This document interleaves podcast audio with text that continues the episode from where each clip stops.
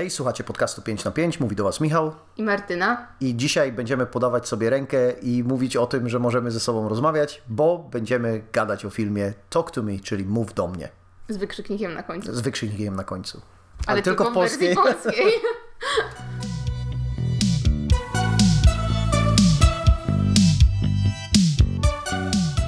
Martyna, zakładam, e, bo ja, ja jestem tutaj w świecie tylko bezpośrednio tego filmu, samego tekstu, chyba trochę celowo nie chciałem poznawać backgroundu, ale Ty chyba wiedziałaś o tym filmie coś więcej wcześniej, zanim on powstał. tak, owszem, bo już gdzieś tam na etapie e, naszej kwarty e, poprzedniej, e, opowiadając o, o filmach, które, które się pojawią gdzieś tam w letnich miesiącach, e, no to zrobiłam sobie mały research pod ten film i nie ukrywam, że już wcześniej byłam dość nahypowana.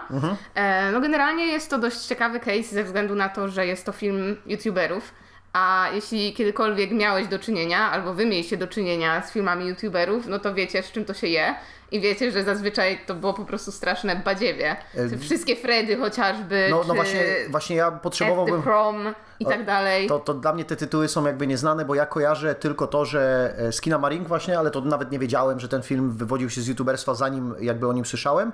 I wiem, że teraz recenzent, którego też troszeczkę oglądałem w przeszłości, e, Chris Stackman kręci swój Tak. film i to też prawdopodobnie będzie horror, więc... e, A, przepraszam, jeszcze e, Markiplier e, wiem, że robi film i to też e, chyba będzie horror, który się nazywa Iron Lung, z tego co pamiętam. Okej, ale one jeszcze są jakby. W... One są w produkcji, produkcji, ale możesz mi mhm. powiedzieć o tych przykładach tych, które już istnieją, bo ja o nic, nic nie wiem. Okej, no tak, bo, bo kwestia jest taka, że owszem, Skina Marine to jest raczej z tych dobrych przykładów e, produkcji youtuberów. No, wiadomo, że e, ten film dość podzielił publiczność, ale generalnie można powiedzieć, że jest to eksperyment raczej udany, nawet jeśli film nie do końca, nie do końca wszystkim e, przypadł do gustu. E, no ale też reżyser Skina Marine to jest raczej taki, powiedzmy, że reżyser znany niszy, to znaczy no typowo już fanom horroru, bo owszem, on jakąś tam popularność sobie zdobył tymi swoimi shortami na YouTubie, no ale ciężko powiedzieć, żeby on był gdzieś tam w jakiejkolwiek topce youtuberów. Te tytuły, o których mówiłam, no to były filmy produkowane przez już takich największych, nie? Okej. Takich, takie, takie nazwiska, które jakby mi nie są znane, bo ich też jakby content nie jest kierowany do mnie. No jest kierowany po Bo prostu... to jest to bro humor, czy... Tak, ale no to też są po prostu twórcy, którzy robią, no być może nie przyznają się do tego, że robią content dla dzieci, ale to jest content na tyle głupi, że myślę, że nikt dorosły się na to nie skusi. No i w związku z tym te filmy też są jakie są, że no, no jakby filmy youtuberów były przez bardzo wiele lat kojarzone, no wyśmiewane dosłownie.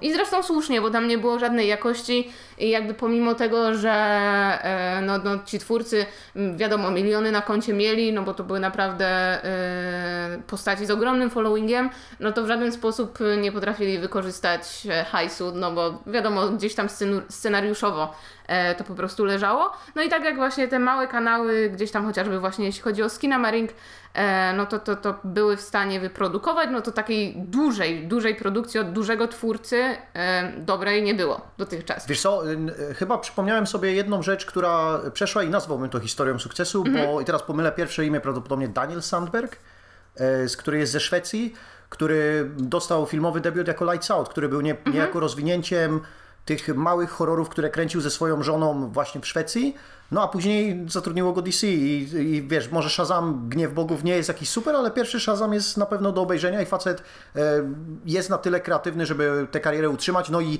jego nazwisko już gdzieś tam faktycznie wypłynęło. Tak, tak, no tylko, że to jest znowu case taki, że, no, że on faktycznie aż tak znany nie był, nie? Przy tym Lights Out, przy krótkometrażówce to faktycznie wybuchło, bo pamiętam, że no wszyscy mówili o tym, o tym filmie krótkometrażowym, który gdzieś tam na YouTubie sobie krążył.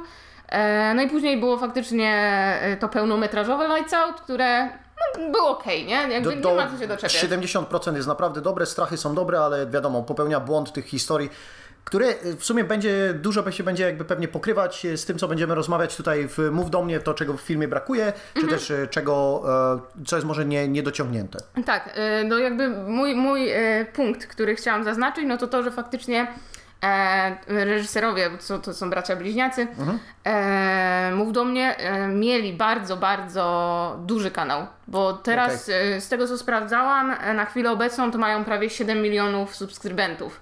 No to są już naprawdę ogromne liczby i pomimo tego, że mi też ten content nie był znany, Okej?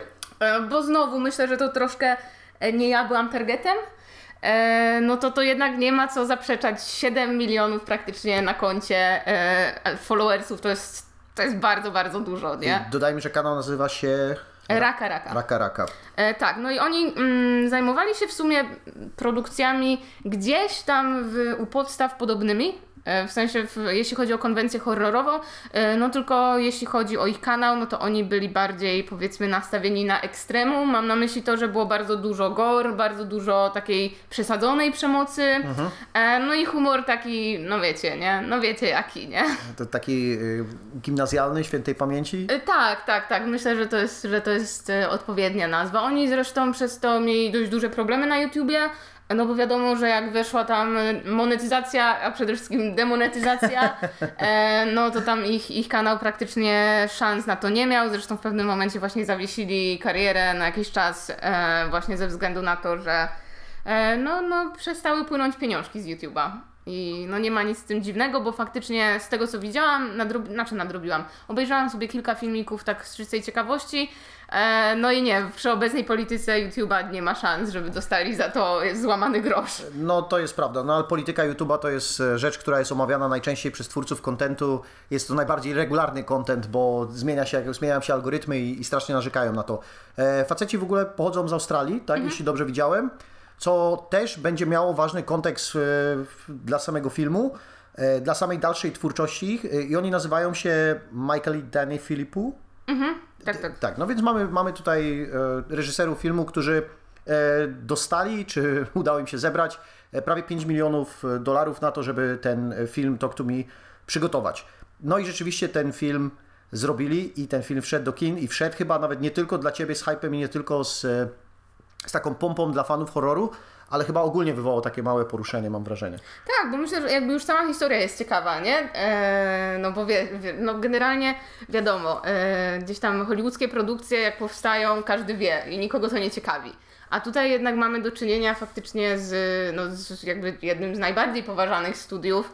Mamy do czynienia też no, w sumie z debiutantami, w ogóle jeszcze typami, którzy tworzyli, tworzyli content na YouTube'a i gdzieś tam takie, takie krótkie formy, więc e, no tu się trochę historia i marketing sam pisał, ale e, też nie ukrywam, To że... dodajmy tylko, jakie to jest studio i dlaczego warto na nie zwrócić uwagę. Okej, no jest to studio A24 i myślę, że jest, jeśli jesteście regularnymi słuchaczami podcastu, e, no to wiecie, że, że my tutaj wszyscy bardzo, bardzo lubimy. Większość produkcji oczywiście, bo wiadomo, że raz na jakiś czas jakiś tam babol się znajdzie, ale to nie, nadal nie jest to tak aż, aż podłe, żeby, żeby gdzieś tam podczas seansu cierpieć.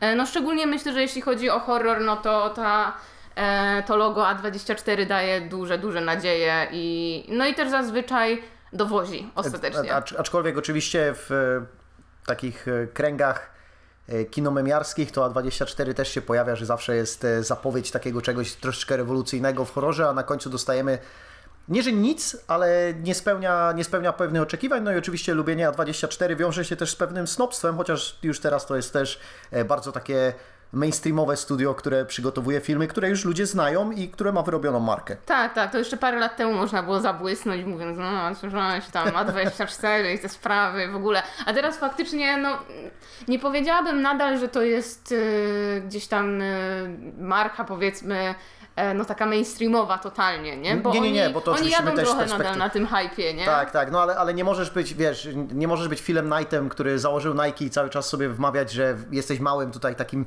e, wojowniczym pieskiem, który dogryza tym wielkim korporacjom, jak za chwilę zaczyna się po prostu z nią zmieniać. Nie? No i ten, Tak, tak. ten etos się, się zmienia, bo powiedzmy nawet jak patrzysz na, na Blumhouse, to to też trochę inaczej wygląda, no bo środki w Blumhouse są pewnie trochę mniejsze niż e, i nazwiska są trochę mniejsze, które pracują z Blumhouse'em niż w A24. Tak, jeśli chodzi, jak już w ogóle mówimy o Studia 24, no to na pewno należy pochwalić e, to, jak, jak to studio funkcjonuje, szczególnie w czasach strajku scenarzystów i teraz już również aktorów.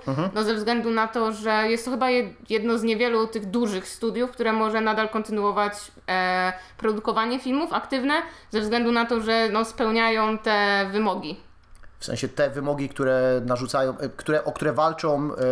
E, Z, z tego co wiem, tak, tak. Bo No i, jakby nie mają e, dzikich pragnień, żeby, e, nie wiem, rewolucją wprowadzić AI do pisania filmów. Tak, garnitury, e, garnitury tam jeszcze są trochę bardziej wyrozumiałe, bo są trochę bliżej ziemi, tak? I Tak, nie, dokładnie. nie każdy kwartał musi się zamknąć z, z dodatkowymi pieniędzmi. E, Ogólnie ten odcinek, od kiedy nagramy ten odcinek i kiedy on wyjdzie, to rzeczy tutaj związane ze strajkiem już mogą się rozegrać, bo ponoć e, autorzy są coraz bliżej dogadania się ze studiami i- być może to się wydarzy na dniach, a jak oni się dogadają, to, to aktorzy prawdopodobnie też pójdą za nimi, no i, i ogólnie cała ma- machina produkcji zatrzymała się znowu, tak jak się zatrzymała w covid na, na prawie rok.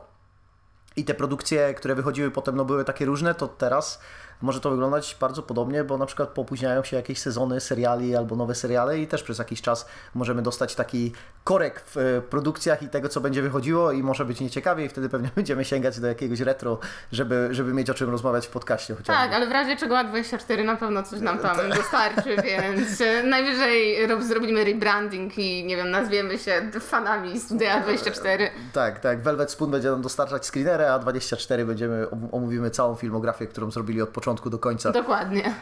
Samo mów do mnie.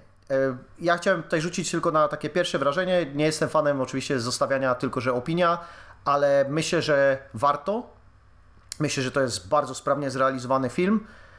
Nie dorasta on do poziomu takich debiutów jak na przykład Uciekaj, e, ale jaka jest ilość strachów i mm, jaką świeżość taką pewną w budowaniu postaci i tej historii e, i do tego jak w ogóle podchodzi do tego jak opowiedzieć tę historię e, ba bardzo mi się podobało i to jest świetny seans 95 minut. E, każdemu kto lubi Boży metraż. bardzo boży metraż. Każdemu kto szuka chociażby trochę wrażeń w kinie no wiadomo komuś kto nienawidzi horrorów nie polecam ale każdej innej osobie warto sprawdzić bo myślę, że mało osób może być rozczarowanych. E, tak, to jakby po pierwsze, zgodzę się z tym, ale ja mam też taką troszkę, y, będę miała taką osobistą wycieczkę względem tego filmu, bo prawdopodobnie popełniłam błąd, bo w przeciwieństwie do ciebie, tak jak ty nie oglądałeś żadnych materiałów promocyjnych albo ograniczałeś e, gdzieś tam dopływ informacji związanych z, tych, z tym filmem, to ja pochłaniałam absolutnie wszystkie. E, zobaczyłam bardzo wiele gdzieś tam bezspoilerowych recenzji, e, przeczytałam o tym, co tam się działo na planie, jakie były kulisy powstawania tego filmu i tak dalej. E, No i myślę, że wyszłam na tym kiepsko, szczerze mówiąc. Ze względu na to, szczególnie ze względu na recenzję, bo mm, ze wszystkich recenzji, które przesłuchałam, no chociażby tam był już wcześniej wspomniany Chris Stackman, e, była Amanda de Jedi i tak dalej, i oni wszyscy mówili o tym, jak bardzo w niektórych momentach przytłaczający jest ten film. Okej. Mam na myśli, że może nie przytłaczający, co raczej szokujący. Więc nastawiałam się na to, że to naprawdę będzie, no będzie jakieś szaleństwo. E, Ja też chciałem dodać, że to dotarło, e, ode, to dotarło do mnie i mam wrażenie, że to dotarło od ciebie, że jak ty właśnie mówi, jak rozmawialiśmy w trakcie kwarty kina, to ty powiedziałaś, że ten film będzie przytłaczający i szokujący. I ja tak się zastanawiałem w trakcie seansu, czy to wynika z takiej pewnej, z pewnego opatrzenia się, bo ja, nie- ja nie jestem takim fanem horroru jak ty czy mój brat, e, którzy nagminnie oglądają i wyciągają te różne perełki, ale bardzo je lubię, jak jest dobry horror, to po prostu doceniam, więc nazwałbym się tym fanem horroru z tej średniej półki. Ale nawet na tym poziomie opatrzenia to, to nie wiem, może ja już jestem, mam jakąś znieczulicę, ale nie było nic takiego szokującego, ani czegoś, co by... Zasłoniłem parę razy oczy, ale to dlatego, że wiesz, że po prostu taka no- naturalna reakcja na e, ciemne rzeczy stojące w kącie. No tak, jeśli, jeśli o to chodzi, no to właśnie też troszkę się nastawiałam na to, że to będzie już takie pociągnięte do ekstremum. Szczególnie ze względu na to, że no faktycznie ich kanał był znany no, z takiej już skrajnej gdzieś tam, y, powiedzmy, że obrzydliwości też, jeśli chodzi właśnie o efekty specjalne związane z gore i w ogóle. A tutaj moim zdaniem jest całkiem chillowo i właśnie też nie do końca wiem, czy ja się już po prostu jakby tak już tego opatrzyłam, że, że mało co jest w stanie mnie gdzieś tam zaskoczyć czy zszokować. Jest też jedna rzecz, którą muszę przyznać i chyba nigdy wcześniej nie mówiłam o tym, bo tak jak e, o tym, że e, boję się kosmitów, już wspominałam wielokrotnie, to taką drugą rzeczą, która mnie nadal rusza i chyba nigdy nie przestanie, to są wszelkiego rodzaju urazy głowy. O, okej, okej. I to się jakby wzięło z tego, e, kiedy pierwszy raz obejrzałam Więźnia Nienawiści i była scena z zębami i krawężnikiem. Tak. E, I jakby też ten, to, to takie przerażenie i obrzydzenie e, wszelkiego rodzaju urazami głowy się pogłębiło, kiedy miałam sen, kiedy to moje zęby wbijały się w, w krawężnik. I od tego czasu wszelkie, wszelkiego rodzaju urazy głowy to jest coś, co sprawia, że po prostu zapadam się w fotelu i się kulę. To... A tutaj tego było bardzo dużo. Mam trzy myśli do tego, bo pierwsza jest taka, że pomiędzy tym, jak widziałem scenę, a jak widziałem American History X, czyli właśnie nienawiści, nienawiści minęło pewnie ze 12 lat.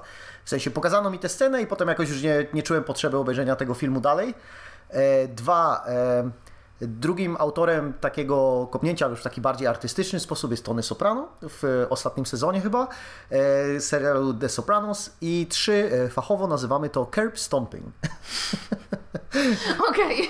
Okay. Wiesz co, teraz tak, tak się zastanawiam, skąd bierze się ta Mm, to podbijanie tej, tego, tego szokowania i myślę, że właśnie ta scena, o których tutaj opowiadasz, o tych urazach głowy, zwłaszcza, że dotyczy tam 12-letniego chłopca, który mhm. robi sobie sporo krzywdy i robi sobie ją nieraz i wyciąga sobie oko e, między innymi, to ja podejrzewam, że urazy dla dzieci, osób, które, no Krzysiu Stakman jednak jest osobą taką wrażliwą, nie? On, mhm. Jemu się zdarza tam, wiesz, popłakać w trakcie tych swoich filmików i, i tak dalej, więc mam wrażenie, że po prostu gdzieś recenzencka odcinka od tego, co może on czuje jako fan horroru, e, ponagliła go do tego, żeby podbić to, jaki ten film e, jest, e, może z perspektywy widza takiego mhm. bardziej mhm. normalnego, chlebowego. Tak, być może tak. Jakby u mnie też to jest taki, taki mój troszkę zarzut wobec tego filmu, że tak jak te sceny właśnie związane z seansami, mi tego troszkę brakowało, mhm. bo też zwiastun jakby nastawiał na to, że to będzie taka, wiesz, trochę jazda bez trzymanki. Też się spodziewałam troszkę takiej konwencji, która się przebija, właśnie no takiej troszkę YouTube'owej, gdzieś z montażami tak. i tak dalej, kiedy jest w życiu bym nie powiedziała, że taka scena będzie mi się podobać, bo jestem na to trochę za stara, ale ta scena właśnie montażu podczas, e, podczas jednego z tych seansów jest tak sprawnie zrealizowana, tak. jest, no, jest po prostu świetna i też jakby podbita muzyką i też wizualnie wygląda świetnie i spodziewałam się, że po prostu tego będzie dużo więcej, a tutaj mamy zasadniczo przez większą część filmu swego rodzaju dramat, bo myślę, że możemy tak y, szybko, szybko gdzieś tam fabułę to, to wiesz co, zakreślić. To, to tylko dodam do tej, e, do tej szybkości montażu, to dla mnie takie dwa wyznaczniki, które mówią o tym, że film e, rusza się w ten sposób taki YouTube'owy, to są e, Natural Born Killers Olivera Stone'a, bo ten film wykorzystuje, jest cały czas bardzo chaotyczny i z Jasonem Stathamem, moim drugim ulubionym aktorem, e, Crank Adrenalina, nie? Bo tam chłopaki Neverdini Taylor też zrobili tak, że film cały czas propulsywnie rusza się do przodu. Tutaj tak nie jest. Nie. Mhm. I, I troszkę żałuję, że nie jest, mhm. bo mam wrażenie, że pomimo tego, że ten film absolutnie mi się nie dłużył, zresztą nie, nie. Boży metraż, co tak. nie, e, to, to są momenty, w których troszkę on siada, mhm. a nie uważam, że, że jest to konieczne. Mam na myśli to, że, że absolutnie nie chciałabym, żeby gdzieś tam ta cała historia i, i, e, i perypetie bohaterów zostały zepchnięte na rzecz jakichś cool montażyków z YouTube'a, e, ale no też, też te, te dylematy można by przedstawić w troszkę, w troszkę inny sposób. No, no i wracając jakby w ogóle do fabuły. Yes. E, no to tak, naszą główną bohaterką jest Mia. Mhm. E, no, no jest to nastolatka, powiedziałabym, że tak w wieku licealnym? Oni, oni mówią, podają... Czyli już może studia? Nie, nie, podają swoje lata, bo ten chłopak, z którym oni mówili, on że jest najstarszy, bo ma 18 lat, tak. może prowadzić, a one, e, one mają gdzieś tak po 17. Tak, tak, tak. No czyli e, no, prawie, że dorosłe, ale jeszcze jednak nie. Ale fiu bździu absolutne w głowie. Bo... Dokładnie. E, I poznajemy, poznajemy te Mie i dodatkowych bohaterów i to jest tak powiedziałbym pierwsze 10 minut filmu, mhm. E, że mamy, poznajemy, że ona ma jakąś skonfliktowaną relację z ojcem, jej matka nie żyje i zginęła w jakichś e, takich okolicznościach, które są no nieciekawe. No tak. Ale jest, istnieje druga rodzina, też rozbita, bo tam jest, z kolei, tam jest z kolei tylko matka i dwójka dzieci, Jade i Riley. I ona z tą rodziną przebywa tak, jakby po prostu mieszkała tam e, u nich w chacie, e, jest drugą córką. Tak, tak, tak. Tam zresztą jest wielokrotnie w sumie jakby podkreślone to, że ona ma bardzo dobrą relację właśnie e, z Riley, mhm. e, który jest tam około 12-13-letnim tak. chłopcem, ale wiecie, z tych bardziej ułożonych, nie takich zupełnie obleśnych i bezużytecznych. Nie, nie, nie. To jest, są pewne kroki tutaj. Ma tego kumpla, który jest, mam wrażenie, że ten kumpel istnieje po to, żeby podkreślić, że Riley jest w miarę normalnym tak. nastolatkiem, bo ten drugi jest po prostu e, no z gatunku tych hashtag, hashtag tragiczny. E, tak, tak, tak. Ten, co już w gimnazjum e, wiadomo, że w końcu wyląduje w więzieniu. Tak, tak, to jest scumbag Steve w formie, w postaci, e, w postaci, postaci w kinie. Dokładnie, tak. No i jakby bardzo, bardzo już gdzieś na samym początku mamy podkreślone to, że, że Mia jest bardzo związana, no nie tylko ze swoją przyjaciółką, czyli Jade, która znowu ma troszkę wyjebany na swojego brata, e, ale myślę, że tak troszkę działają relacje pomiędzy e, nastoletnim rodzeństwem. Nie wiem, ja jestem jedynaczką, więc... No ja, ja mam chyba podobnie, podobny rozstrzał wieku i wydaje mi się, że te właśnie 12, 13, a ja 17 to prawdopodobnie były, to mogły być te trudne momenty, aczkolwiek już wiesz, e, trauma została zatarta, już teraz są, to jest, jest- są tylko misie i, i jednorożce i tak dalej. To ja mam, zanim przejdziemy dalej do, do fabuły, to ja mam do Ciebie pytanie. E, Wiadomo, że takie filmy zależą, albo jak działają te filmy, zależą od tego, jak bu- bu- zbudowane są postaci, czy te relacje są wiarygodne, czy my kupujemy i, i lubimy te postaci, nawet niekoniecznie lubimy, ale zaczynamy do nich czuć jakieś emocje. I jak Twoim zdaniem e, to, co mi wypada w, tym, e, w tej kwestii?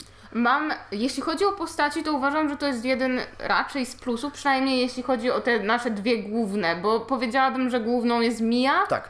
E, no i głównym jest też Riley, bo jakby o jego w sumie życie toczy się cała gra i, e, i, i cała w sumie fabuła filmu e, na tym gdzieś tam polega.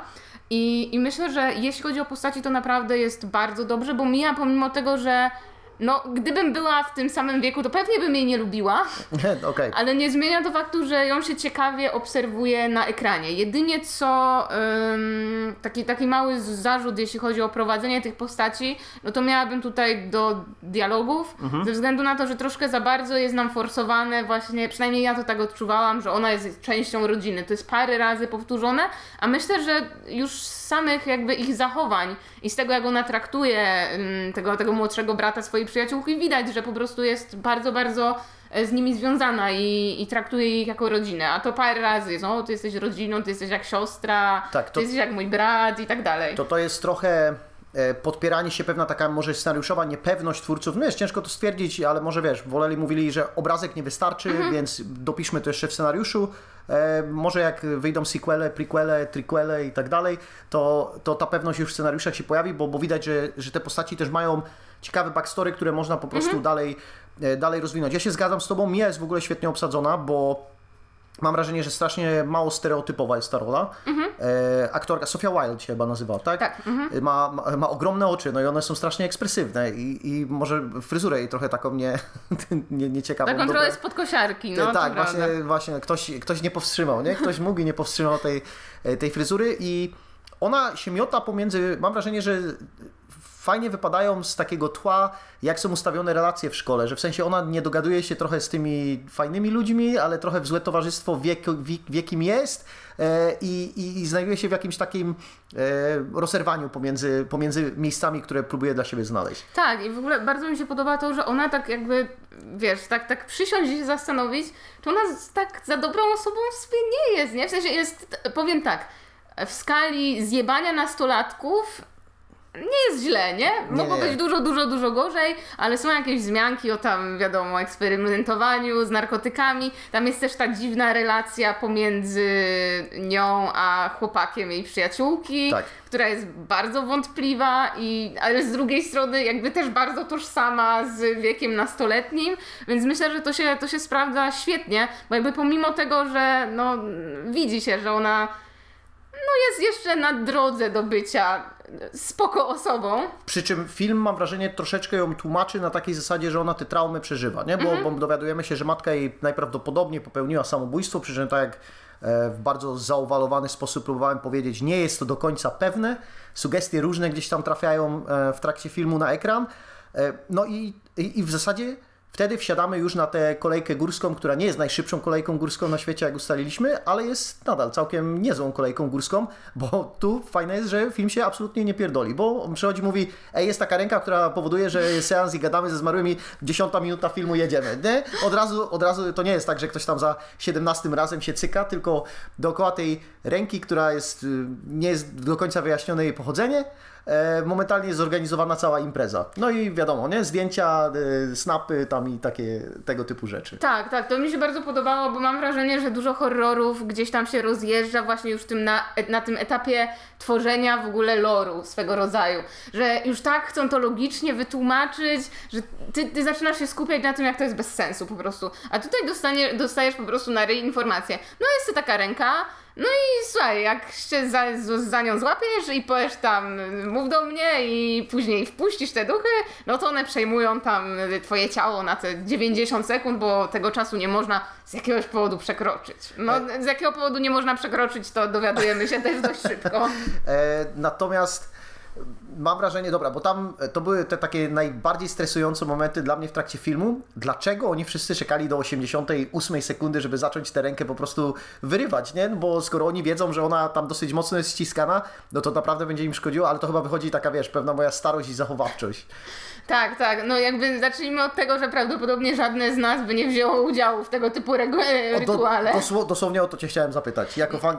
Oj, absolutnie nie. Tak jak ja uwie- absolutnie uwielbiam horror, to nie ma opcji, absolutnie nie ma żadnej możliwości, że kiedykolwiek wzięłabym udział w jakimkolwiek seansie około paranormalnym, bo pomimo tego, że jestem raczej sceptyczna, jeśli chodzi o istnienie jakichkolwiek y, faktycznie złych duchów, demonów i tego typu y, gówna, to ja jednak wolę nie kusić losu, więc y, żad, żadnych plansz, żadnych seansów, żadnych świec o północy, żadnego mówienia trzy razy Candyman do lustra. Nie ma, nie ma takiej możliwości, nikt mnie do tego nie przekona. Ja się za, naoglądałam za dużo horrorów, żeby bawić się w takie badziewie. Po to, po to masz tę wiedzę, żeby nie popełniać tej Dokładnie. idiotycznej decyzji. E, to mam pytanie, czy, chcia, czy mogłabyś w ogóle znaleźć w tym pomieszczeniu? Nie mówię o dotknięcie ręki, ale czy jesteś w trakcie takiej imprezy i wiesz, przyglądasz się tam w rogu, e, zastawiona jakimiś poduszkami i wiesz, zrobisz sobie taki pillow fort tylko i, i z małą taką szczelinką, żebyś mogła patrzeć, co się dzieje. Myślę, że nie, ze względu na to, że jednak we wszystkich, w większości przynajmniej produkcji, w których gdzieś tam jakiś seans się odbywał, to obrywali wszyscy, którzy byli obecni. To prawda.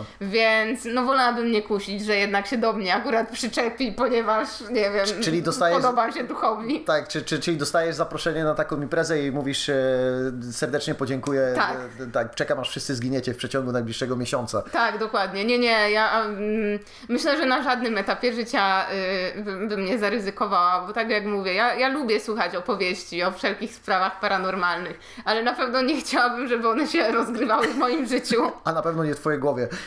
Ja w ogóle chciałbym powiedzieć, że też nie, ale nie wiem, co by się działo po szóstym whisky.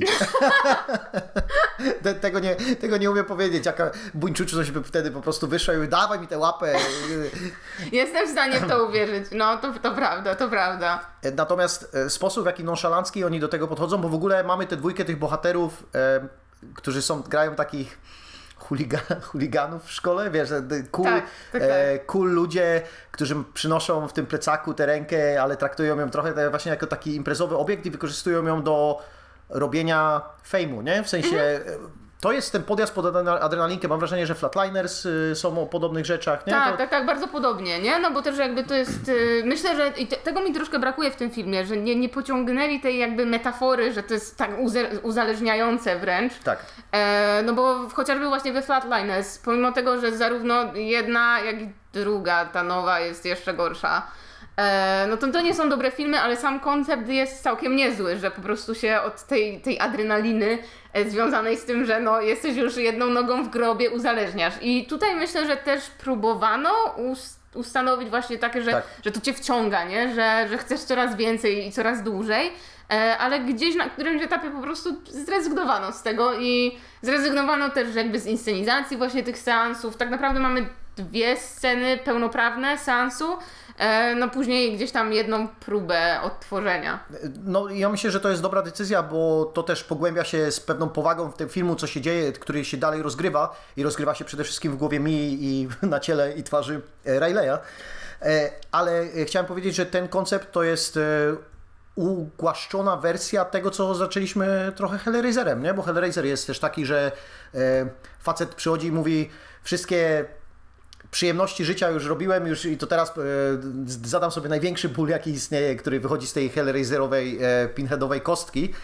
E, I tutaj stawiam taką tezę, czy jest to, ta teza mi teraz przyszła do głowy, czy to w jaki sposób oni tę rękę traktują i podciągają podciągają się do, do tych zaświatów, czy to wynika z tego, że to generacja Z operuje tą ręką, czy to jest zwalamy tylko na to, że to są po prostu nastolatki? Ja myślę, że to jest właśnie, myślę, że to jest bardziej kwestia tego, że są nastolatki, bo nastolatki w horrorze to jest jakby, to jest temat na odcinek, co nie? Bo no nie oszukujmy się, y, twórcy zazwyczaj nie mają zbyt dużo szacunku w przedstawianiu nastolatków w Mhm. horrorze. Y, Zresztą myślę, że troszkę zasłużenie, bo wiadomo, że gdzieś tam na tym etapie e, nastoletnim, no to, to, to się robi straszne głupoty, nie? Czasami. Szczególnie jeśli w grę wchodzi jakaś, nie wiem, próba zaimponowania e, rówieśnikom, czy, czy, czy w ogóle jeszcze alkohol. E, Tam chyba akurat e, w, tych scenach alkoholu nie było, z tego co pamiętam.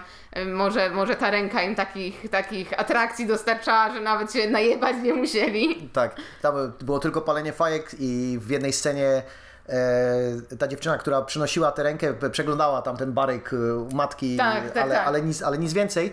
E, w ogóle chciałem tutaj zauważyć, że tym się wyróżnia e, Mów do mnie, że bardzo mało broły są te osoby, które e, biorą udział w tym seansie, nie? Bo mamy Mię, e, która jest e, e, no, jaką, ta- taką normalną nastolatką, w sensie nie jest za nie jakaś tam, wiesz, super imprezowa i tak dalej. E, Mamy tego Daniela, który jest przedstawiony jako religijny chłopak. No i mamy Rayleigha, który jest normalnym jakby dzieckiem, który po prostu on chce zaimponować, ale nie w taki Mhm. sposób, że wchodzi tam z klatą, mówi ja kurwa, będę tę rękę trzymał dwie godziny, tylko po prostu chce spróbować, bo, e, bo widzi, że daje to jakąś atrakcję tym, tym innym osobom. Tak, no to jest, to jest prawda. W ogóle tak swoją drogą, nie? Zabieranie młodszego rodzeństwa na imprezy to jest bardzo duży problem w horrorach. Myślę, że wszyscy dobrze wiemy, jak to się skończyło w Hereditary. Tutaj się skończyło no trochę lepiej mimo wszystko, ostatecznie, Bo nie? głowa nie, jeszcze nie odpadła. Tak. Tak, tak, ale e, była podjęta próba. Zdecydowanie. Ty- Tylko, że tam e, nie był słup, nie, nie przestanął, tylko jakiś tam kredens e, ora- oraz, ścia, oraz ściana w łazience. No więc mamy, mamy ten pierwszy seans. Mija już przy swoim pierwszym dotknięciu trzyma się za długo, ale tam o te kilka sekund i oni mówią, że te demony, w zasadzie to jest chyba dosyć proste. Nie? Widzisz zmarłe osoby, które zmarły w jakiś tam sposób. Te osoby są absolutnie paskudne, bo któryś tam się utopił, któryś tam pewnie zmarł ze starości, ale wraca też e, mama mi, nie? Więc to jest, e, to jest jakby taka sprawa, która powoduje, że Mia mówi ja teraz będę odchodzić od społeczeństwa, bo ja mogę znowu nawiązać kontakt z moją, teraz robię cudzysłów, mamą.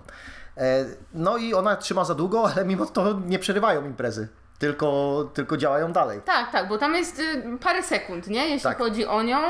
E, No gorzej jest podczas drugiej imprezy, kiedy, kiedy już e, za rękę chwyta Riley.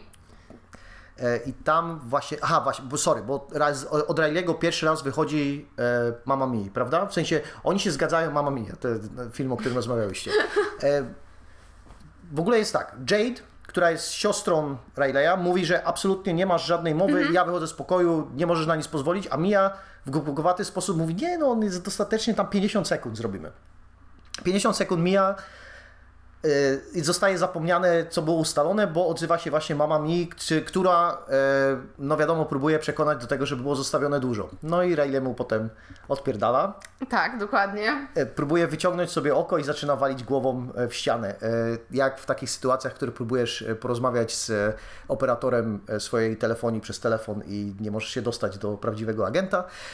No i co myślisz, co myślisz na temat tych szokujących scen i jak Ci się podobało, jak Riley próbował się, e, bazując na tym, że e, cierpisz na, na scenach, kiedy e, głowa dostaje uszczerbku. cię cierpiałam bardzo, naprawdę. Jak zareagowałaś w kinie? E, no, powiem tak, ja bardzo rzadko przysłaniam oczy, e, ale zdarza się, że patrzę tak przez palce. Tak, tak, to jest, to, to- jest mój sposób też. Tak, i było dos- dokładnie tak. I też się skuliłam w taką, może nie y, pozycję gdzieś tam y, płodową, ale przypominającą. E, tak, tak. I to, no, no nie, nie, nie, bez wątpienia to było, były jedne z najbardziej traumatycznych momentów, które na pewno w tym roku w kinie przeżyłam. E, no, no bo nawet jeśli już byśmy nie brali pod uwagę tego rozpierdalania głowy o wszelkiego rodzaju blaty, to jednak próba wyciągnięcia oka. Tak, to bo to jest, to jest ten moment, kiedy się skrzywiłem naprawdę mocno. Tak, e, no, no to, są, to są takie sceny, o których rozumiem, że można powiedzieć, że są szokujące. Tak, tak. I e, nie uważam też, żeby one były gdzieś tam przesadnie obrzydliwe. bo tego się troszkę obawiałam właśnie ze względu na to, jacy to są twórcy, że to będzie wręcz takie groteskowe, a nie było. Było wręcz tak przerażająco prawdziwe i być może właśnie jakby w tym była ta, ta, ta, ta, ta, najbardziej jakby przerażająca e, jakby rzecz związana, związana z tymi scenami. Nie wiem, nie wiem, czy X nie było nawet brutalniejsze w jakichś momentach. Czy wiesz, w sensie jak były tam kile, to miał był ten szpikulec w oko i było i tej- krwi i tych flaków jednak było, e, było trochę więcej. A w ogóle przed Talk to Me e, leciał zwiastun nowej piły, więc tam na pewno nic nie pokazali, ale już się jara, bo, bo lubię jak tam ludzie giną w, O, w to chwili. u mnie, u mnie w kinie nie, nie było piły, a się dziwiłam, szczerze mówiąc. Był za to bardzo dziwnie zmontowany zwiastun duchów w Wenecji, który był zmontowany jakby to miał być horror, Mhm. co jest dość dziwne, bo pragnę przypomnieć, że to jest ekranizacja powieści Agaty Christie, więc to jest przede wszystkim kryminał. E, no nie wiem, nie wiem co to jest za taktyka. E, Może AI montowało trailer, e, wiesz, przed horrorem. Każdy, e, każdy film, przed którym będzie trailer, do tego będzie dostawał inny, inny Tak, bardzo rodzaj możliwe. trailera. E, A tak jak już o zwiastunach przed seansem mówimy, to czy leciał u Ciebie zwiastun nowego Egzorcysty? Nie. O, no widzisz, to u mnie, u mnie leciał. E, no być może porozmawiamy. Skoro o oryginalnym rozmawialiśmy, to, Tak. to może po kolejnym e, sequelu również. Tak, powiedziało się E, to trzeba powiedzieć E. E, Okej, no i teraz e, nie do końca wiem, jak streścić dalej. No bo co, Riley e, za długo trzymał te łapy. I to tak znacznie. I to tak o. znacznie i dowi- dowiadujemy się, też znowu jest to przedstawione tak trochę na odchodne, no nie trzymaj za długo, bo, bo te zmarłe, te duchy będą chciały zostać dłużej E, i na zawsze. I w ogóle, a jak zginiesz w grze, to giniesz też w prawdziwym życiu. Tutaj też ta zasada obowiązuje, jak duchy cię zabiją, no to, to już jesteś out. E, I, I one po prostu zostają. No i, i teraz chyba dostajemy ten centralny punkt e, przygody, czyli jak uratować Rayleigha, który dostał się gdzieś, i jest w śpiączce i jest cały poharatany e, i wygląda e, potwornie. Tak, i jak się za każdym razem jak się wybudza, to podejmuje ponowną próbę odebrania sobie życia. No i jakbyś przedstawiła to, co się dzieje dalej. E, e, ciężko w sumie jest to streścić ze względu na to, że tak jak, jak wspomniałeś, no e, kwestia jest taka, że no, Mia jakby czuje się winna za to, co się stało. Zresztą jakby cała rodzina Rileya również ją oskarża i nie mogę powiedzieć, że niesłusznie, nie? To jednak ona mu powiedziała, a weź chłopcze, weź złap za tę grabę, tam satanisty, medium czy, czy czegoś innego i Tak, czy tam będzie wiedź, fajnie, wiedźmy, nie? czy tam, no tak. Tak, tak, tak. E, No i w związku z tym ona, no ona stwierdza, że nie, no musi chłopa uratować, też ze względu na to, że po prostu gdzieś tam była z nim bardzo, bardzo związana. E, No ale jednocześnie ze względu podejrzewam, że na to, że ona też przekroczyła te granice 90 sekund, no to zaczyna widzieć różne dziwne gówna. To, jest najważniejsze w horrorze, nie? że jak się pojawiają różne dziwne gówna, które w ciemności robią bu, to to jest wiadomo, że to jest dobry horror. No i mamy, i teraz tak, tak jak y, kiedyś wspominałem o Insidiousie, czyli naznaczonym Jamesa Wana, to jest, że on bierze te wszystkie modele horrorowe, te wszystkie motywy i przerabia i tak naprawdę wszystko to, co znamy, ale wynosi je na taki bardzo wysoki poziom, tak żeby było straszone. Tutaj też jest tak, jest ciemna postać w kącie, jest ręka, która dotyka, a potem zmienia się w inną rękę i okazuje się, że są brzydkie postaci, które gdzieś tam stoją. E, No Mija patrzy w lustro i w lustrze jest postać, obraca się, a, a, za, a tam za nią nikogo nie ma. E, I jedna rzecz, która mi się nie podobała, ale w sumie masz słuszność, bo ona trzymała e, tę rękę dłużej niż 90 sekund, to znowu jest ta postać, która ma taką trochę lepszą czutkę na zaświaty, nie? Że w sensie ona się tak bardziej z nimi kontaktuje, bo ona jest taka, wiesz, jest, jest bliżej, bo ona za tą matką tęskni i tak dalej i ona, z- i ona z tą matką po prostu już zaczyna gadać poza, e, poza seansami.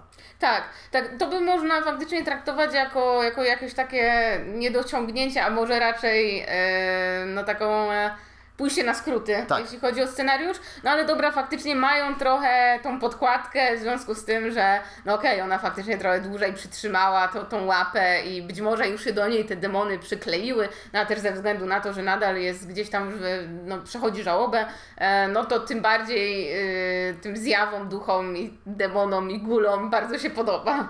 E, W ogóle bardzo mi się podoba ten zabieg, że ta matka, która pojawia się i gada z tą Miją e, poza, poza seansami, zaczyna się coraz bardziej rozpadać jak stan psychiczny mi. Tak. Jest, ona na początku jak przychodzi, to wygląda jak ta, jak ta matka taka prawdziwa, nie? No I ona jeszcze ma rzecz, która dla mnie jest absolutnie nie do przyjęcia, ma powbijane to drewno za paznokcie. To jest jak, jak coś jest wsadzane za, w zapalce, są odrywane jakieś paznokcie, to ja jestem out, nie? To, To jak ty sobie na pile radzisz? E, no, nikt nie mówi, że nie jestem masochistą, więc, e, więc po prostu i ona potem wygląda jakby się coraz bardziej, nie wiem, tak topiła, tak, wiesz, zęby coraz gorsze, ten jej uśmiech, który tam sugeruje, no, że prawdopodobnie zaświaty zagrały to, jak zawsze to zagrywałem zaświaty, nie? E, ty masz słaby punkt, a ja tutaj podrążę w nim paluszkiem, nie? No, no i na mnie to oczywiście wpłynęło, bo e, dostaję jeszcze cały czas sugestie, że kurde, to być może o jej ojciec zabił jej matkę, czy może doprowadził do śmierci e, matki, czy coś w tym stylu. E, Wiesz, ta matka, jakby ten duch matki sugeruje jej to, nie? Że to okej. Max jest winny, Max, czyli ojciec mi, jest winny śmierci matki. Okej, ja akurat tego tak nie odebrałam. Bardziej miałam wrażenie, że gdzieś tam te, te duchy z zaświatów grają na tym, że on coś przed nią zataił.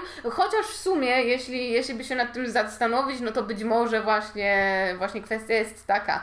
E, bardziej myślałam, że to się rozgrywa o to, czy, że, nie powiedział jej po prostu. E, że nie wiem, że popełniła samobójstwo, tylko że to był zupełny przypadek, Tak. bo akurat y, zażyła oj zbyt dużo leków nasennych. Tak, wzięła 50 przez, przez przypadek. Bardzo, bardzo nie mogła zasnąć po prostu, Tak. totalnie. bo w sąsiedniej chacie był hałas. E, Zgad, zgadzam się, no mamy tutaj też to zestawienie, że ojciec się otwiera z czymś, z czym się nie zjawił, a Mia ma już zryty beret przez to, co jej zaświaty mówią, bo ona z tymi zaświatami jest koniecznie, e, koniecznie związana.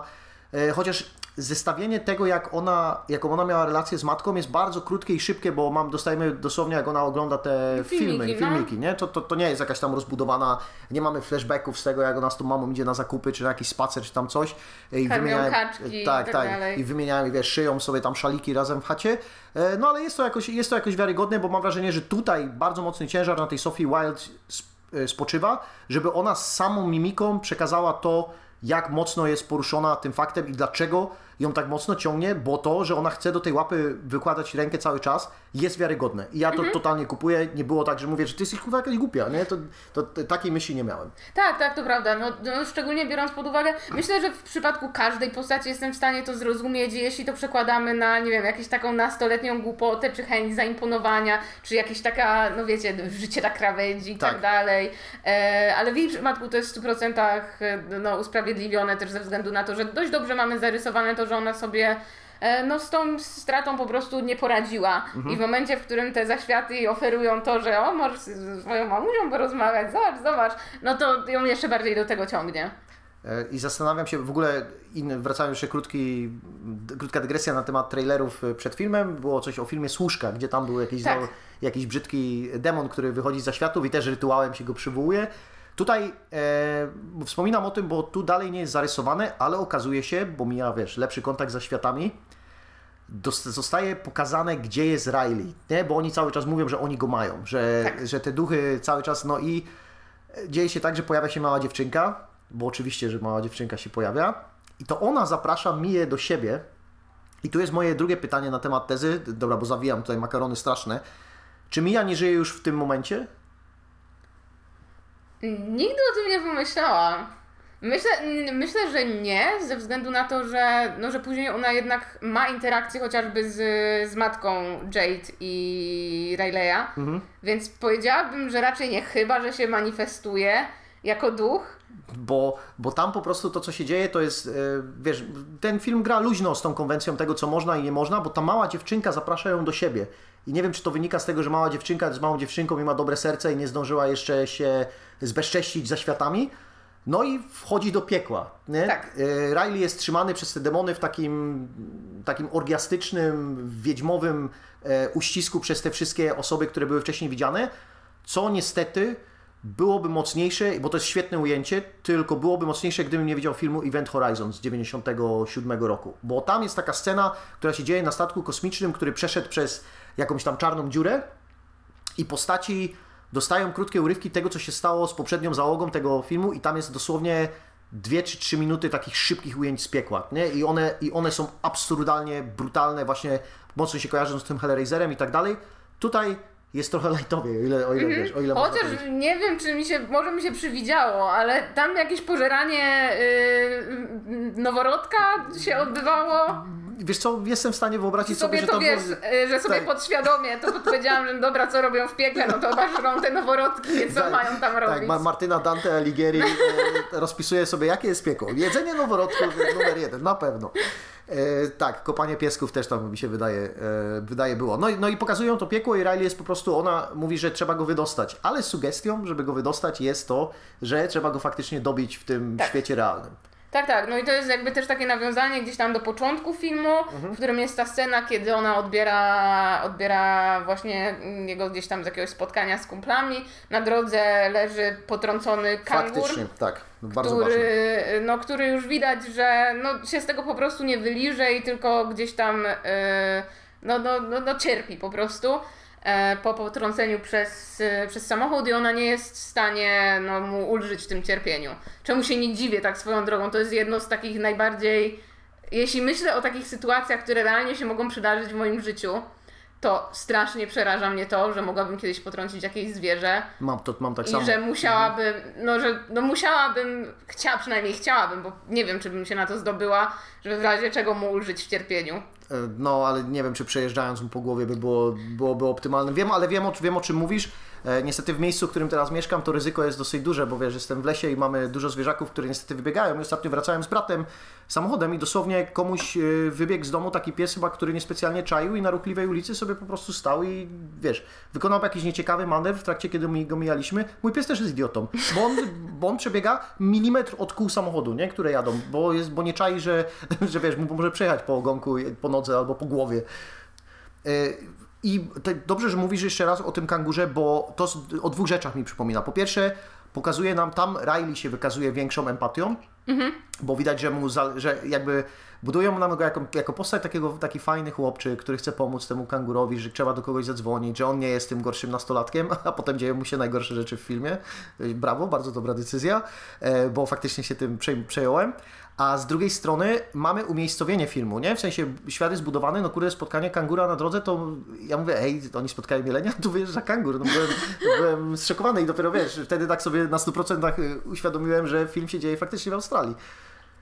E, czy, czy ta Australia w ogóle jakby grała Ci tutaj, coś dodat- dodatkowo do filmu Ci dodała, czy, czy raczej było to takie małe tło, które nic nie robiło? Myślę, przynajmniej dla mnie to było bardziej gdzieś tam małe tło. Faktycznie w momencie, w którym kangur wyskoczył, znaczy nie wyskoczył, po prostu leżał, sobie Leżał, biedny, tak. potrącony na drodze, to miałam takie... Czemu to jest kangur? Wtedy, wtedy do mnie dotarło, że to nie dość, że są australijscy z pochodzenia twórcy, no Tak. to tam też e, obsada, no, m, czę- no duża część obsady też jest właśnie, właśnie stamtąd, ale nie wydaje mi się, żeby to jakoś wielce, wielce odgrywało dużą rolę. Jedynie wydaje mi się, że faktycznie e, reżyserowie chcieli, nie wiem, oddać jakiś, jakiś hołd Tak. e, swojemu, swojemu e, miastu, z którego, z którego, w którym się wychowali. E, no i tam parę razy chyba było podkreślone, gdzie oni w ogóle mieszkają, nie? Tak, tak. I mm, w ogóle jedna taka uwaga na temat całej geografii filmu. Wszyscy mieszkali minutę obok siebie, pomimo że wszędzie jeździli samochodami. E, Ale zgadzam się i e, fajnie by było, jakby trochę była podkręcona bardziej ta, mm, ta oddrębność australijska, ale nawet tych kilka symboli robiło dużo rzeczy, bo, bo było też jak jechali po niewłaściwej stronie drogi. No i uświadomiłem sobie oczywiście najważniejsze, że e, jakbym nie miał napisów, to bym nie rozumiał ani słowa z tego, co mówię. Nie, to ja może nie aż tak, bo jestem w miarę, w miarę osłuchana z, z tym akcentem, ale faktycznie, nie, nie, nie, no, no jest to taki... Szczególnie biorąc pod uwagę to, że już tam australijskie horrory e, no, no, no, stały, no, zyskały gdzieś tam status kultowego, nie? No bo chociażby jest, jest, mamy Babaduka, Babaduka, nie? dokładnie, no. Tak, czy tam też od tej samej reżyserki segment w Cabinet of Curiosities, Okej. e, tam Guillermo del Toro, więc fajnie, fajnie, niewątpliwie, że faktycznie gdzieś tam twórcy stamtąd e, zyskują takie możliwości, szczególnie jeśli chodzi o horror, no bo jak widać to im wychodzi dobrze. Okej, i wracając teraz do tego, co się dzieje w filmie. No, zmierzamy do tego trzeciego aktu, który chyba jest moim zdaniem taką najsłabszą częścią.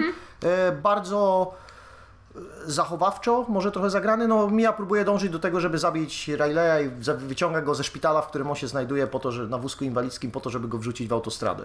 Tak, tak swoją drogą zawsze mam duże wątpliwości w scenach gdzieś tam porwań z, ze szpitala, biorąc pod uwagę to, w jakim on był stanie. Tak. Ja nie wiem, czy on by bez tych wszystkich rurek po prostu nie padł gdzieś już przy, w windzie, kiedy by go zwoziła, ale no okej. I, I nikt nie zadałby żadnego pytania, hej, dlaczego... Dlaczego wywozić tego wyraźnie pobitego i strauma- straumatyzowanego chłopca? E, co, na spacerek? O co chodzi? Kółeczko, zrobić kółeczko dookoła szpitala i- wrócić, wrócić już z trupkiem. Yy, No i ona, bo ona cały czas jest przekonana, dostaje te informacje o tym, że jedyny sposób, żeby go uratować, to trzeba mu pozwolić się wykończyć. No i ta matka zdradza się tym ostatecznym tekstem, że e, już będzie z nami na zawsze, nie? Bo oczywiście czarny charakter nie może poczekać do samego końca, jak już to dziecko nie żyje i nie powiedzieć, że no, ty ten, wpadłaś w moje sidła i tak dalej. E, No i ja, z tego co ja zrozumiałem, bo tak ciężko mi tam było się skapnąć, to ona chyba sama się wrzuciła w, e, pod tę autostradę. Tak, tak, no bo to też jakby sugeruje samo zakończenie. I to jest, pomimo tego, że uważam, że ten trzeci akt jest faktycznie najsłabszy i mógłby, pomimo tego, że tam się dość, jakby teoretycznie się dużo dzieje? Tak. no bo e, no jest ten fake out z ojcem, e, jest no scena, w której szczerze myślałam, że ona tego ojca zabija, a on jakoś przeżywa nożyczki wbite w aortę. E, no ale, ale okej, ale, ale spoko. Ale gdzieś tam wydaje mi się, że tempo po prostu siadło, ale za to uważam, że ta ostatnia scena, w której no ona się orientuje, że hej, e, no chyba już nie jestem w tym świecie, Tak. e, jest, jest bardzo, bardzo dobrze zmontowana. Też jest to nawiązanie chociażby do tego, co ona mówi wcześniej, o tym, że, że, e, kiedy rozmawia z Rileyem, o koszmarze, który ją tam wielokrotnie dręczy w nocy, e, że patrzy w lustro i nie widzi swojego odbicia. No i tutaj jest dosłownie, dosłownie to się dzieje. E, później zapada zasadniczo ciemność i Właśnie- ktoś ją wywołuje. Właśnie, właśnie to była też fajna rzecz, bo e, było takie małe światełko zapalone, w którego stronę ona Mhm. zaczęła iść i jakby jak, e, tam jest ta scena, gdzie ona zaczyna się rozchodzić po tym szpitalu i wszyscy ją omijają. To to są te rzeczy, które od niej uciekają i drzwi się przed nią zamykają. Nie? Mhm. Wszystkie odcięcie od tego, kim ona trochę była, e, zostało od niej zostawione. Jest ona w ciemności i zostaje wywołana właśnie tak jak mówisz przez e, nowych ludzi, którzy e, dorwali się do ręki i teraz to ona jest duchem, która zamieszka, e, zamieszka w innych. Tak, to jest takie, w sensie to zakończenie, jak tak, nie wiem, dłużej bym się nad tym zastanawiała, wydaje się trochę cheesy, ale z drugiej strony moim zdaniem ono działa świetnie. I tak jak przy tym właśnie trzecim akcie już byłam trochę znużona, szczerze mówiąc, to przy tym, przy tej, przy tej końcówce, przy, przy tej ostatniej, no myślę, że to jest już ostatnia scena, e, no to faktycznie ten, ten, ten, ten film mnie z powrotem wkopnął w siebie i no i ostatecznie wyszłam w miarę zadowolona. Tak, no ja bym powiedział, że cheesy mnie nie przejmuje, nie? Bo po coś są, wykorzystujemy pewne formuły, a tutaj było to zasłużone, bo zbieraliśmy jakby te momenty cały czas. E, Boję się trochę tych wszystkich zapowiedzi, które tak już odchodząc może od samego filmu, bo w zasadzie wszystko odpowiedzieliśmy, te zapowiedzi, że oni chcą zrobić prequel i sequel i w ogóle mają mnóstwo materiału. Ja chyba nie chcę wiedzieć skąd się wzięła ta ręka i, i jakie są zasady, które obowiązują do tego i jak ją potem będą niszczyć czy, czy whatever. To jest prawda, no bo jakby został już zapowiedziany sequel, Mhm. który ma tytuł Talk to Me, tylko że zamiast to jest dwójka, czajcie, nie? E, bardzo, bardzo sprytnie. E, Copywriter dostał na pewno podwyżkę. To, to jest e, na modułę e, tych Fast and Furious i krzyków, nie? Tak. Jak wpleść w idiotyczny sposób numerek do tytułu. Tak, no a tutaj ma, ma, to, ma to sens, szczególnie biorąc pod uwagę to, że, że już wcześniej w tych takich pierwszych materiałach promocyjnych e, gdzieś tam e, ta, ta, ta, ta ręka medium slash satanisty slash e, Wiedźmy. wiedźmy e, układała się właśnie w taki bardzo nienaturalny i okropny z tym strasznym dźwiękiem e, łamanych stawów e, w dwójkę, więc to całkiem fajnie wizualnie wygląda. E, co do tego, czy, czy jestem za, czy jestem przeciw e, gdzieś tam kontynuacją. Hmm. Jeśli chodzi o prequel, myślę, że nie jest mi to potrzebne, bo tak jak wspominasz, ten film się jakby nie pierdoli. E, jeśli chodzi o tworzenie jakiegoś dzikiego loru, e, skąd się ta łapa wzięła i dlaczego takie zasady, a nie inne. I szczerze mówiąc, to cenię, bo myślę, że gdzieś tam zbędne. ym, jakby ostatecznie mówimy o zjawiskach paranormalnych. Nawet jeśli mielibyśmy w 100% na logikę to wszystko wziąć, to, to ostatecznie nie będzie miało sensu, więc myślę, że lepszą po prostu praktyką jest stwierdzenie, tak jest, do widzenia. Więc czy ja potrzebuję, żeby mi to tłumaczono? Nie. Co do sequelu, jestem zainteresowana. E, jeśli to będzie taki na przykład soft sequel, że Tak, powiedzmy tak, tak. będzie się to działo w tym świecie, ale niekoniecznie z tymi bohaterami. No bo to może być takie antologiczne, nie? Że wiesz, no fajnie jakby Jade była, bo będzie miała już jakieś doświadczenia i pomaga rozwiązywać trochę jak Nip Campbell w, w Skrzyku. E, więc z tym bym się zgodził. Z tym, że Pearl chyba było całkiem niezłe na przykład w porównaniu do X, nie? A, Więc Tak, moim zdaniem Pearl było filmem dużo, dużo lepszym, więc... Ouija e, prequel też był lepszy dużo niż, e, niż A- prawda. Annabelle pierwsza też była lepsza niż e, druga Annabelle. E, Ta świeższa, ta, która się działa dużo wcześniej, więc to nie jest tak, że prequele będą skazane, zwłaszcza, że no widać, że facetom zależy na tym, żeby to działało, no więc miejmy nadzieję, że szmira z tego nie powstanie. E, Ja chciałem ich jeszcze mocno pochwalić za oprawę graficzną i mam tutaj na myśli dwie rzeczy, bo po pierwsze, oni stworzyli już taki symbol, to nie jest takie łatwe, który będzie bardzo zapamiętywalny i rozpoznawalny i oni go chyba bardzo dobrze sprzedają. W sensie ta łapa jest super charakterystyczna, nie? To jest na, na takim poziomie Evil Dead, którym na pewno się trochę, trochę inspirowali.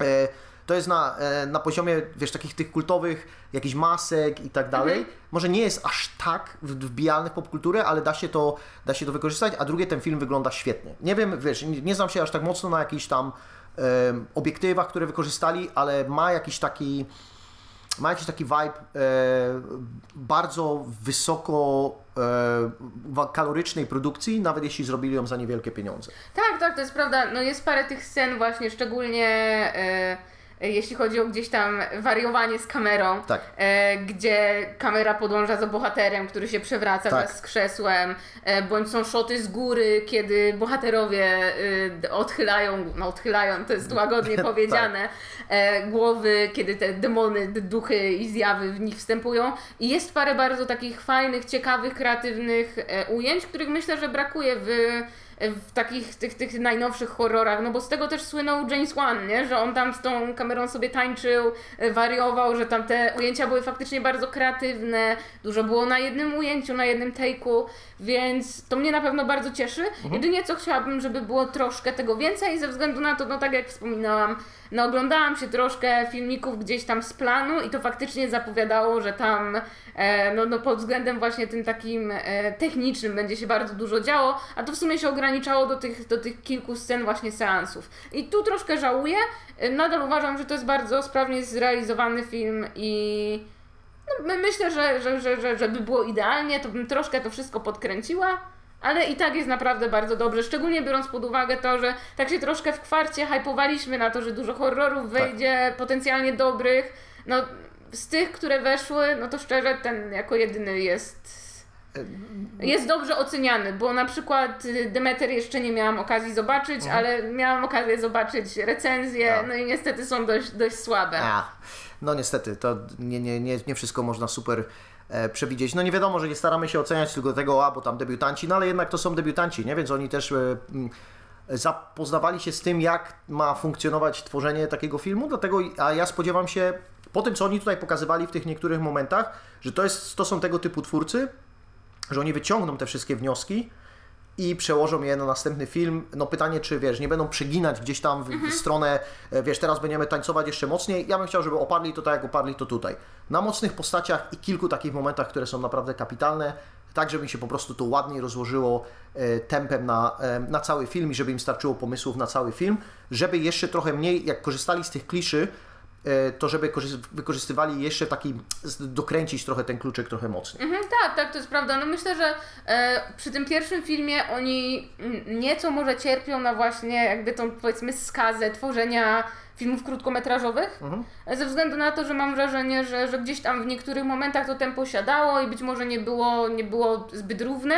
E, I, I w pewnych momentach gdzieś tam to, to napięcie e, no, no nie działało tak, jakby mogło, ale tak jak ty, ty myślę, że, że faktycznie przy, przy kolejnych produkcjach e, będzie, będzie to szło coraz lepiej i coraz sprawniej. Szczególnie, że no, biorąc pod uwagę to, że to jest taki pierwszy duży, pełnometrażowy ich projekt, to naprawdę nie mam do czego się doczepić. No jedynie się mogę doczepić do tego, jakie miałam gdzieś tam e, oczekiwania, ale to bardziej po mojej stronie niż po stronie twórców. Tak, no to jest, to jest porządny horror, on gatunku nie zrewolucjonizuje, ale dalej daje nam kolejnych twórców, którzy jak będą, wiesz, na zmianę wypluwać horrory e, rok po roku, to będziemy dostawać coś porządnego, z czego ja się, ja się cieszę, bo widać, że faceci traktują traktują gatunek poważnie, znają go, rozumieją go, e, potrafią tworzyć fajne postaci, potrafią e, napisać te postaci w taki sposób, że nie brzmią jakby były, mm, wiesz, absurdalnie niewyniesione z rzeczywistości. I nawet, nawet te, wiesz, ta kwestia sceny tej imprezy, jak oni zorganizowali, to ta impreza ma taki, mm, tak, taką, czujesz, czujesz taką, taki vibe jej, nie? Że w sensie, że, że to nie jest jakaś sztywoza, albo mówisz, nikt nigdy by się tak nie zachowywał. Tak, dokładnie, no bo y, to też jest ważna rzecz, nie? W bardzo wielu filmach sceny gdzieś tam z nastolatkami, filmach i serialach, Euforia mówię o tobie, te sceny gdzieś i imprezy w ogóle są przegięte po prostu. Że, że to naprawdę już wygląda jak skrajny poziom degeneracji, a tutaj jestem w stanie uwierzyć, że nie wiem, y, siódemka ilu ich tam było nastolatków zbierze się na jakąś taką posiadówę i będzie się dokładnie tak zachowywać. Tak, tak. Bez, nie wiem, wciągania kresek z pępków i nie wiem, Ja nie widziałem euforii, więc e, zakładam, że każda impreza właśnie tak wygląda, E, jak, tak, tak, jak, tak. jak opisujesz. Tutaj nie czułam się za staro na tę imprezę, o tak. okej. Ale też twórcy, y, no w sumie oni są chyba dwa lata starsi ode mnie, więc w związku z okej. tym, no może też też się spodziewałam, że to bardziej gdzieś Gen Zety i tak dalej, a oni, oni już 30 przekroczyli, e, w związku z czym może, może dlatego bardziej, bardziej czuję te inscenizacje imprezowe. E, Ja jeszcze dodam, tak w sumie zmierzając do końca, luźny wniosek. e, Shoutout dla jednego znanego nazwiska Mirandy Otto, która występuje w tym filmie za dostarczenie najlepszej komedii, w, w sensie w filmie. Nie? Jej Tak. e, najlepsze wszystkie linijki należą do niej i dostarcza je z e, odpowiednim jadem, e, kon, kontaktując się z... Ale, ale oczywiście głębia emocjonalna też jest, bo jak siedzi w szpitalu i e, tą cichą furią się wyżywa na mnie, to też czuć, że mamy do czynienia tutaj z prawdziwą aktorką przez duże A. Tak, tak, to prawda. W ogóle jakby fajnie, że o tym wspomniałeś, bo tak jak Miranda to jest, to jest super, nie? Bez wątpienia. E, No to cała reszta obsady jest, no to są twarze nieograne, Tak. raczej nieznane.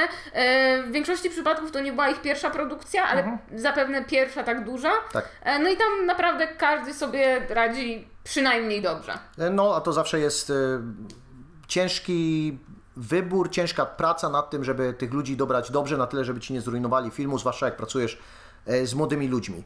E, Natomiast e, no, pewnie będzie tak, że w przyszłości jednak większe gwiazdy się pojawią, ale z jednej krótkiej rzeczy, którą o nich przeczytałem, to oni chcą pracować w Australii, co brzmi fajnie, bo jednak dobrze jak e, rozwija się jakieś tam poletko inne, które nie jest za, zabrudzone tym paskustwem, które może spłynąć z Hollywood e, w postaci na przykład e, Shazam, Gniew Bogów e, i kariera idzie do, e, idzie do chlewu. E, Jakieś ostatnie lu- luźne myśli? Z luźnych myśli, no to mam nadzieję, że faktycznie, że- w tym kierunku horrory gdzieś będą szły. E, I nawet jeśli to nie jest, e, nie wiem, mój ulubiony film i on gdzieś tam nie zrewolucjonizował mojej opinii o horrorach, no to nadal był to, był to bardzo przyjemny, jeśli możemy to tak nazwać. Oprócz z tych scen z rozwalaniem głowy. Tak, perwersyjnie przyjemny, no zgadzam E, się. dokładnie. I, I myślę, że myślę, że, że, że dobrze, że tak się dzieje, że nawet jeśli, tak jak mówię, no bo to absolutnie nie jest film, który, nie wiem, wymyśla na nowo horror Nie, nie, i redefiniuje horror, e, no to też naprawdę, tak naprawdę nie musi tego robić. No właśnie chciałem to powiedzieć, nie? że nie każdy horror musi zmieniać gatunek, bo ja lubię go takim, jakim jest, a to jest porządny wpis do, tego, e, do tej filmografii, e, który jest też fajną wycieczką do kina, bo można się pobać i nie ma, nie ma jakiegoś wielkiego cringe'u, bo dzieją się takie rzeczy, które no, nie jest Bye Bye Man ani nic w tym stylu. E, Okej, to dziękujemy za wysłuchanie kolejnego odcinka podcastu 5 na 5. Dzisiaj rozmawialiśmy o filmie Mów do mnie. E, uważajcie, jak będziecie spotykać artefakty, które należały do satanistów e, albo wiedźmy. Zapraszamy na nasze sociale, Instagram 5 na 5 podcast. Warto posłuchać też naszego poprzedniego, nie przepraszam, dwa poprzednie odcinki temu o Octopusie i na Facebooka 5 na 5. Na Spotify zawsze jest sonda i jakieś pytanie dotyczące filmu. I to chyba wszystko. Jeszcze raz dzięki za wysłuchanie i do usłyszenia.